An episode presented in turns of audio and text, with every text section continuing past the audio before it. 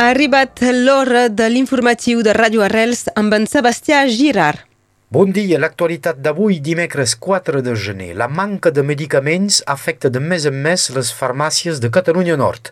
Ja fa setmanes que la situació empitjora i el president de l'Ordre dels Farmacèutics de Catalunya Nord confessa que ja no poden pas servir tots els clients.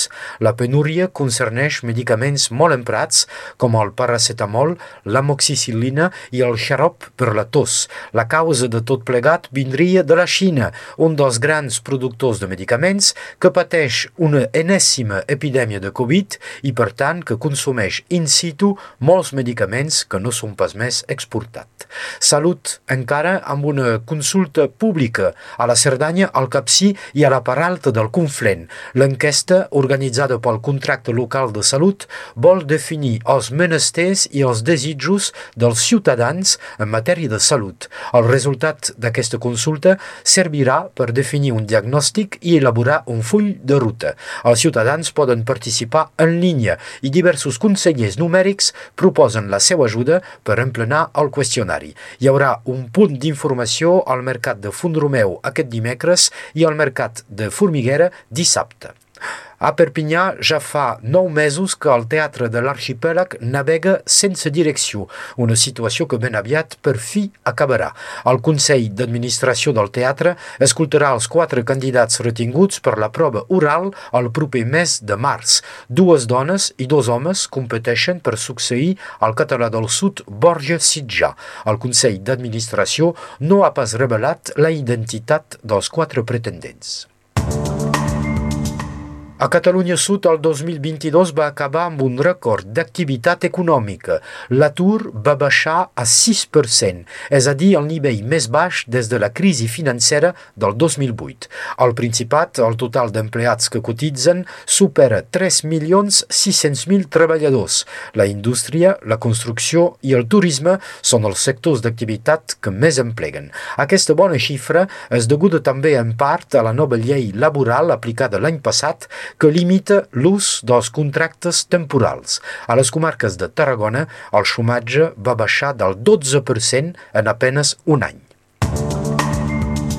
Croàcia integra aquest mes de gener l'espai Schengen i l'eurozona. És el 20è estat que adopta la moneda europea. Feia vuit anys que cap país integrava l'eurozona, l'últim va ser Lituània el 2015. Croàcia abandona, doncs, la seva moneda, la cuna, i adhereix, per tant, al Banc Central Europeu. D'altra banda, els croats també són oficialment membres de l'espai Schengen, ja s'han retirat els 70 punts de controls fronterers que tenia Croàcia amb Eslovènia i Hongria. No callarem, documental sobre la llibertat d'expressió, serà projectat aquest vespre al festival 10 sobre 10. El film és un pamflet sobre els 18 rapers sancionats per la justícia espanyola. A l'escenari, The Foster Jenkins en concert i el DJ de la vetllada serà el productor i animador de ràdio Jean Barales. El 10 sobre 10 ja arriba al tram final de la marató, és a la Casa Musical de Perpinyà, entrada 5 euros.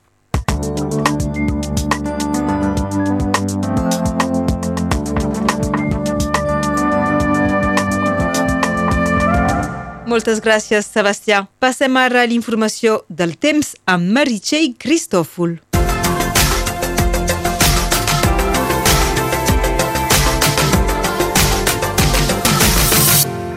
Dia. Avui, dia de la mainada, és el sol que predomina. A finals de tarda, el vent hauria de bufar un poc més fort. Ens podem esperar a ràfegues màximes de 30 km per hora a la plana del Rosselló i aquelles haurien de s'intensificar durant la nit. Molta humitat avui, amb temperatures negatives aquest vespre del costat del Capcí. Malgrat això, les temperatures són una miqueta a l'alça, 16 graus a Perpinyà, 15 a Tui i a Ribes Altes, 11 a Prada i a Montferrer, 10 a Sayagosa i 6 graus als Angles.